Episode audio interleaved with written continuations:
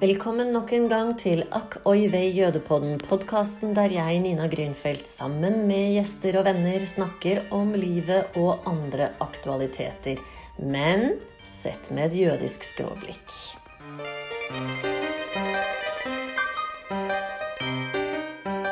Hei, Monica. Hei, Nina. Vi har lyst til å snakke om hva skal vi kalle det? Gay culture? Ja. Homokultur Ja. i, i Israel og i det jødiske. Ja.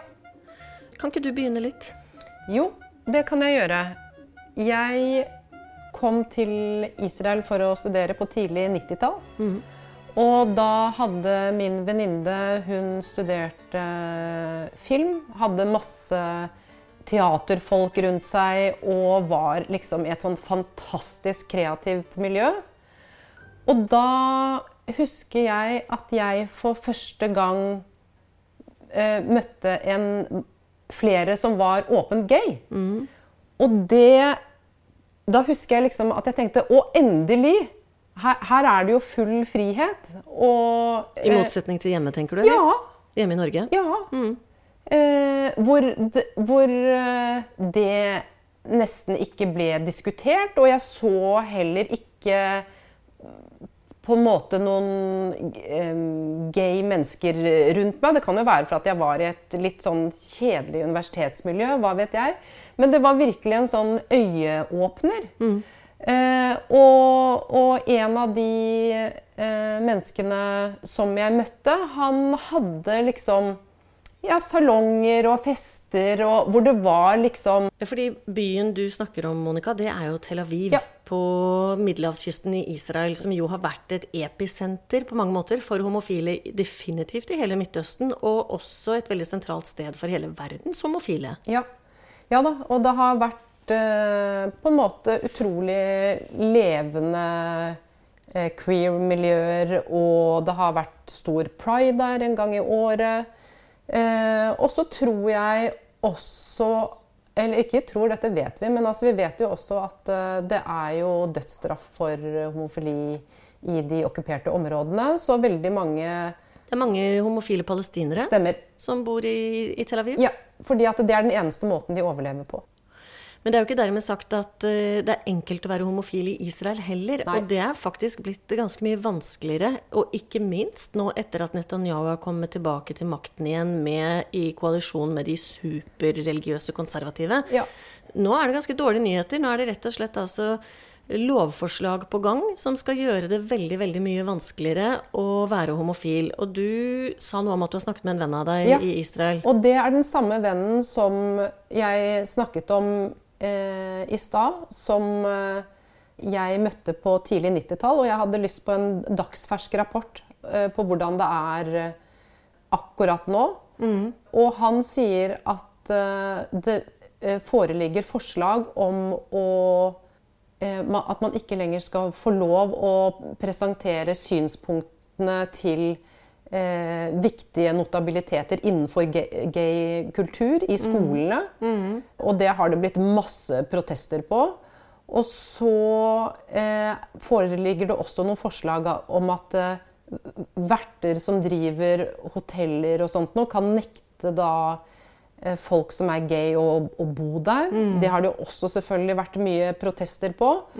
Og alle disse forslagene her har jo røtter i det ekstreme høyre. Ja, altså- Og det er altså Det er til å grine av når jeg leser dette her. Men så, så sier han til meg samtidig at uh, eh, akkurat nå, mens jeg forteller dette her, så var, er det 40 000 mennesker bare i Tel Aviv som har protestert mot disse forslagene her. Det var jo en demonstrasjon nå på nyåret hvor det var over 100 000 ute i gatene. Og det er jo da spesielt i, i Tel Aviv og Haifa og disse mer sekulære byene, da. eh, hvor de protesterer. Altså denne Avi Mautz, som skal være viseminister, han driver en eh, sånn jødisk identitetmyndighet som jeg tror heter NOAM, altså en slags type organisasjon som er et religiøst, eh, nasjonalistisk anti-arabisk og anti-LHBTQ-parti. Og de argumenterer for en streng tolkning av jødisk religiøse lover i Israel. Og denne Mautz han har beskrevet LHBTQ-personer som en trussel mot familien, og han har sagt at han ønsker å avlyse gay pride-parader, som du sier. Og partiet hans de har nå kjørt en sånn plakatkampanje, eh, det var tilbake i 2019, med ordene 'Israel velger å være normal'. Israel skal være normalt. Og innenfor normaliteten så finnes det jo ikke rom til noe annet enn bibelsk fortolkning av mor og far og barn. Ja, Dette her er bekmørkt, og dette her ligner jo på en måte de samme ekstreme holdningene som vi ser i Polen, i Ungarn, ja. Ja. Eh, i eh, høyresiden i USA. Og eh, ekstremt nedslående, vil jeg si. Og et, et, et så hardt angrep på basale menneskerettigheter. Og det er jo så misogynt også. Han sier jo også at kvinners største bidrag eh, det er i ekteskapet og i familie og barneoppdragelse. Ja. Så, eh, og det, disse sitter nå ved makten. Eh, og vi snakket jo i en episode vi allerede har spilt inn hvor vi snakker om Fauda, ikke sant? og hvor vanskelig det kan være å snakke om det i våre tider nå når det er økt konfliktnivå og palestinske barn blir skutt. Altså, det er, eh, det er, ikke noe hyggelig for tiden. Folk begynner å forlate Israel og reise tilbake til Europa. Det er jo en del israelere som har rett til å reise tilbake til Tyskland, Ungarn, Polen, Tsjekkoslovakia, eller Tsjekkia og Slovakia. Eh, fordi familiene hadde pass der før krigen, eller ikke sant, de kom derfra. Mm. Og som har en sånn returrett. da. Mm. Og det er faktisk nå en økt tendens til det, som er ganske spesielt. altså. Mm. Eh, bare én liten setning før vi fortsetter å snakke om det, det du var inne på nå, som jeg også syns er veldig interessant, det som handler om brain drain. Men, mm. men, disse forslagene som på en måte ønsker å eh, frata mennesker eh, de, de, viktigste menneskerettighetene Dette kommer fra de ortodokse partiene. Dette er også mennesker de ortodokse altså, som ikke selv bidrar inn til samfunnet. Mm. Gjør ikke militærtjeneste, jobber ikke, er bare selv en belastning for samfunnet. Mm. Vi har jo snakket om i tidligere episoder om at det er veldig mange penger som går ut til de militære. Ja, det er også ekstremt mange penger i Israel mm. som går, går til de ortodokse som ikke gidder å jobbe. Jeg syns det er så interessant når eh, Det pleier ofte å fortelle at da staten Israel ble opprettet i 1948, så var man jo veldig opptatt av at man skulle bygge opp et presteskap, en ortodoksi, fordi at så mye hadde gått tapt under krigen, og at hvis ikke man klarte å opprettholde dette, så mistet man jødisk identitet. Og da bestemte man at man skulle betale for de som ville være rabbinere, og bringe fram eh, religiøsiteten. Og da hadde de regnet på at eh, da var det ca. 500 av dem og dette skulle stå på statens regning, og de regnet ut at om 50 år ville de nok være ca. 5000. Mm. For 20 år siden så var de blitt 500 000. Sånn at uh, i dag så Jeg vet ikke om det nærmer seg en million, ja. Det ja, gjør det kanskje. Jeg, jeg, tror vi snakker om litt mer, dessverre, enn ja. det. Uh, og dette her er mennesker virkelig som eh, burde ta på seg arbeidshanskene og komme seg i arbeidet. Fordi at eh, Ja, og jeg tenker at sant, de, de, er jo mennesker, de skal få lov til å leve og eksistere, de òg. Men ja, de, de, de, de, representerer nå fascistoide holdninger mm. eh, som går utover kvinner, homofile, og som øker konfliktnivået ja. og sjansene for krig. Jeg kjenner på meg at jeg, jeg, blir så sint av dette her at jeg, liksom, jeg begynner å, å riste. Altså. Så dette her er Eh, noe av det som provoserer meg aller mest. Ja. Men, ikke og jeg tenker at de vi kjenner i Israel, de sier jo det samme som oss. Og det er derfor jeg tenker det er viktig for oss da, i denne poden å si at uh, dette er ikke alle i Israel. Uh, mer enn 50% vil jeg anta syns at dette er en feil retning å gå. Men uh, Israel er et demokrati. Noen vil påstå at det ikke er det. Jeg mener fremdeles at det er det. Det er også palestinere som sitter i Knesset, som er, er parlamentet i Israel. Um, og det er så vanskelig å styre dette landet. Det er litt sånn som Italia. Man skifter regjering titt og ofte, for det ja. er så kaotisk. Ja, de har et valgsystem som er ekstremt problematisk. Og det handler jo om eh, disse religiøse som du opprinnelig snakket om. Det er at eh, den som sitter ved makten, er avhengig av støtte fra eh, småpartier. Og Netanyahu har nå lovet da i hytt og pine til de ortodokse partiene. Og da er det i prinsippet de ortodokse som bestemmer, og ikke han. Ja, Han og, sitter jo i disse koalisjonsregjeringene ikke ja. sant? og er jo selvfølgelig selv livredd for å havne i kasjotten, fordi han er tiltalt på x antall punkter for burde, korrupsjon burde, og diverse. Han burde være i fengsel, det er ikke noe tvil om i det hele tatt. Han er en skurk. Han er en skurk. Men bare tilbake til tematikken som mm. handlet om det jødiske og queer og gay kultur, på en måte. da. Eh, og når jeg satt og reflekterte litt over det, så er vi jo tilbake Vi er jo film- og TV-mennesker, Nina. Ja, og jeg tenkte på Grand Prix, tenkte jeg på. Dana International. Som jeg faktisk har intervjuet for mange år siden. Fantastisk! Ja, ja, ja.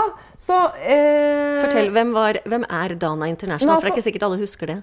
Nei, altså Dana International eh, vant jo Grand Prix på slutten av 90-tallet. Ja. Og var jo en, eh, en av de første transkvinnene jeg eh, visste om.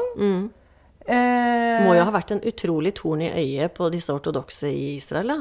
Ja, men, men dette var fremdeles på slutten av 90-tallet, hvor det var litt sånn Hvor eh, livet lå litt eh, foran alle, og de hadde Altså det er som du sier, at det er kanskje 500 000 i dag, jeg tror det er en million, men da snakker vi om at de hadde mindre Hadde mindre innflytelse, og Mindre da var det bare veldig gøy at Israel vant Grand Prix. og, og for å si det sånn, de ortodokse ser ikke på TV, Nei. så de har ingenting med Grand Prix å gjøre. Nei, ikke sant? Eh, men hun eh, sang jo en sang som vel het Viva la diva.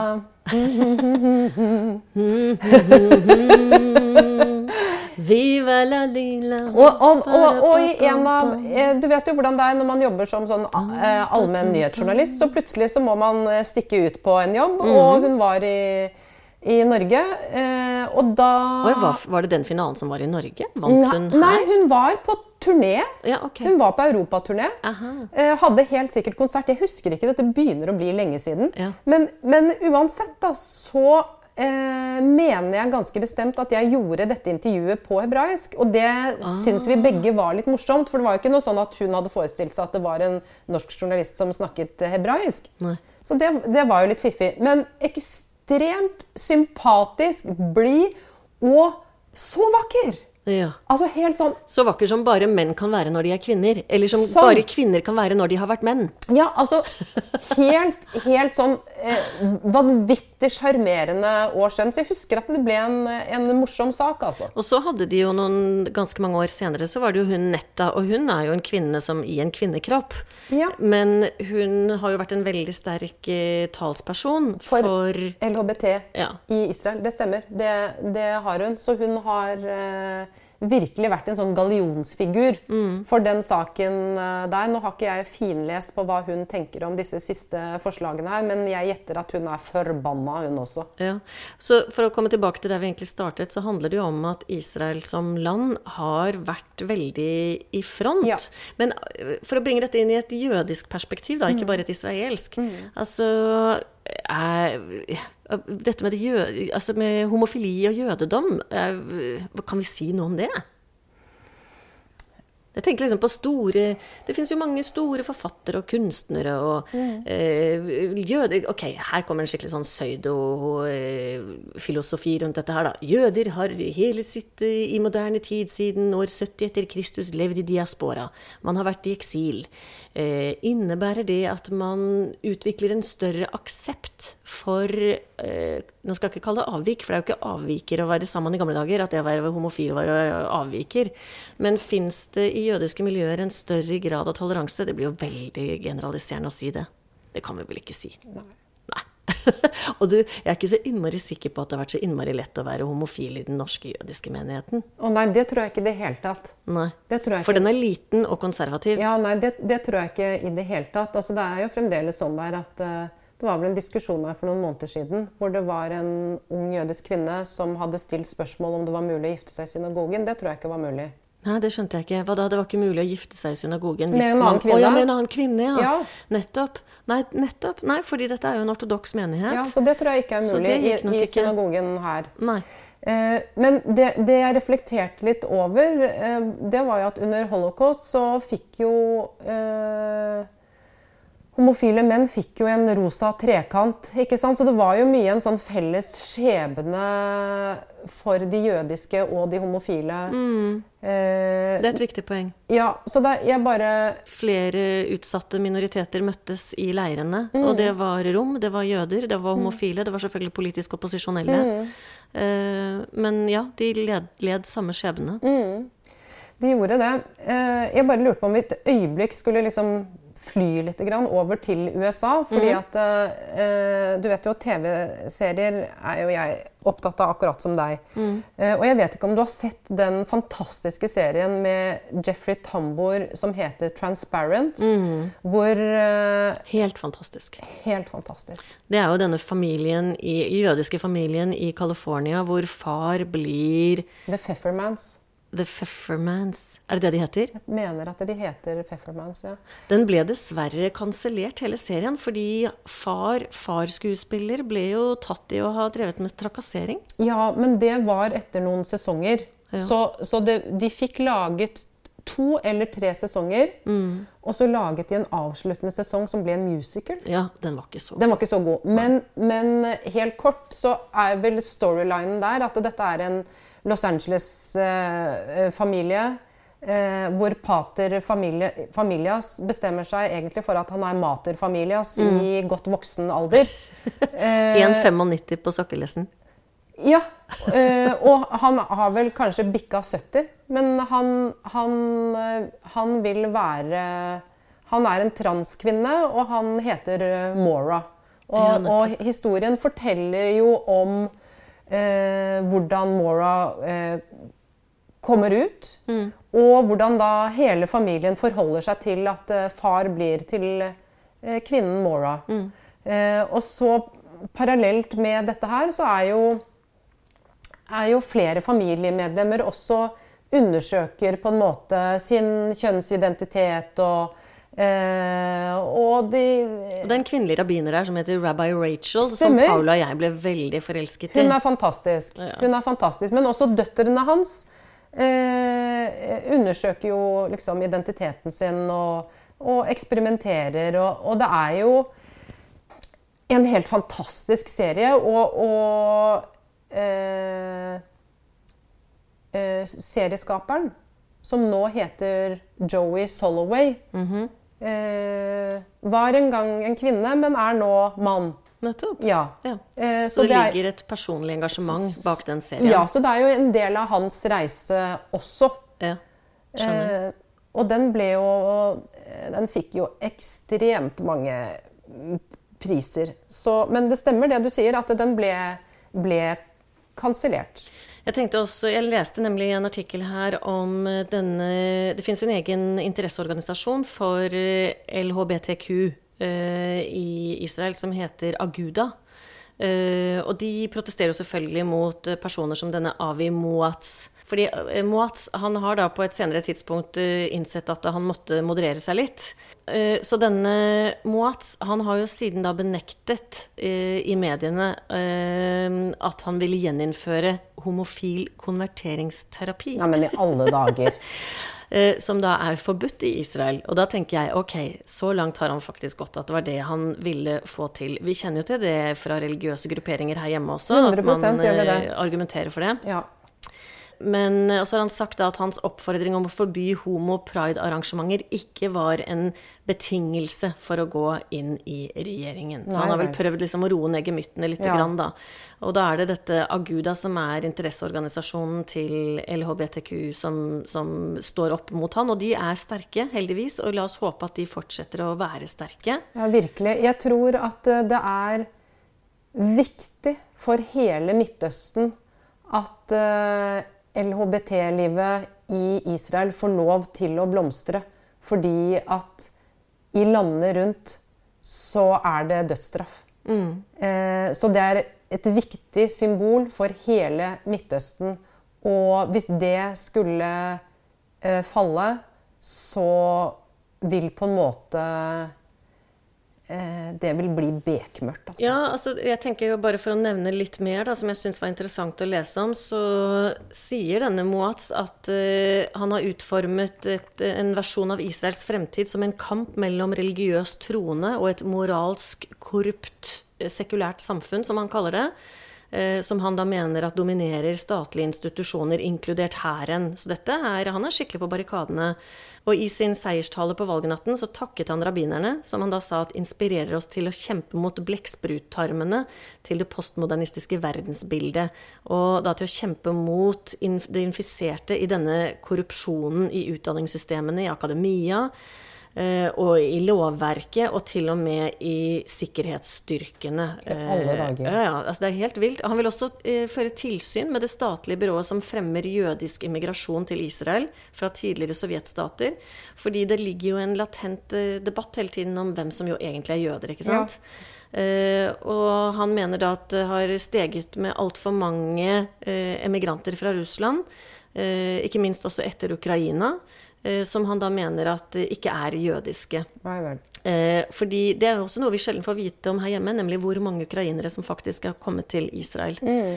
Eh, Israel har det med å åpne grensene sine når det blir konflikter. Og det er klart at ja, de tar imot da jøder fra hele verden, men de tar jo også imot veldig mange som ikke er jøder. Det stemmer.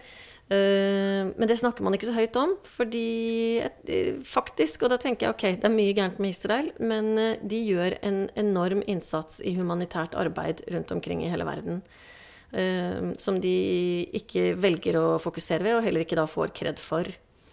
Ja, så han er opptatt av at man skal ha strenge fortolkninger av hva som kvalifiserer som jøde, sånn at ikke feil mennesker skal få slippe inn i Israel. Ja. Og det er jo litt uh, ironisk når vi nå ser at uh, mange velger å forlate landet. Mm. Så, og det tenker jeg, Monica, at jeg har lyst til å snakke i en ny episode med deg om brain drain, som du allerede har nevnt, fra ja. Israel. Ja, det skal vi gjøre. Det er utrolig interessant, Nina. Er det noe du har lyst til å avrunde med å si i forhold til det homofile og, og Israel? Og jøder? Nei, kjempa på, må jeg si, hvis noen i Israel eh, fra LHBT-miljøet hører på. Eh, det ville være en tragedie dersom disse mørkets krefter skulle vinne fram. Og det kan man ikke la skje, altså. Mm. Så man får håpe at eh, de som kjemper for menneskerettigheter, altså de ordentlige menneskerettighetene, dvs. Si alles, at de vinner, og ikke disse fascistene.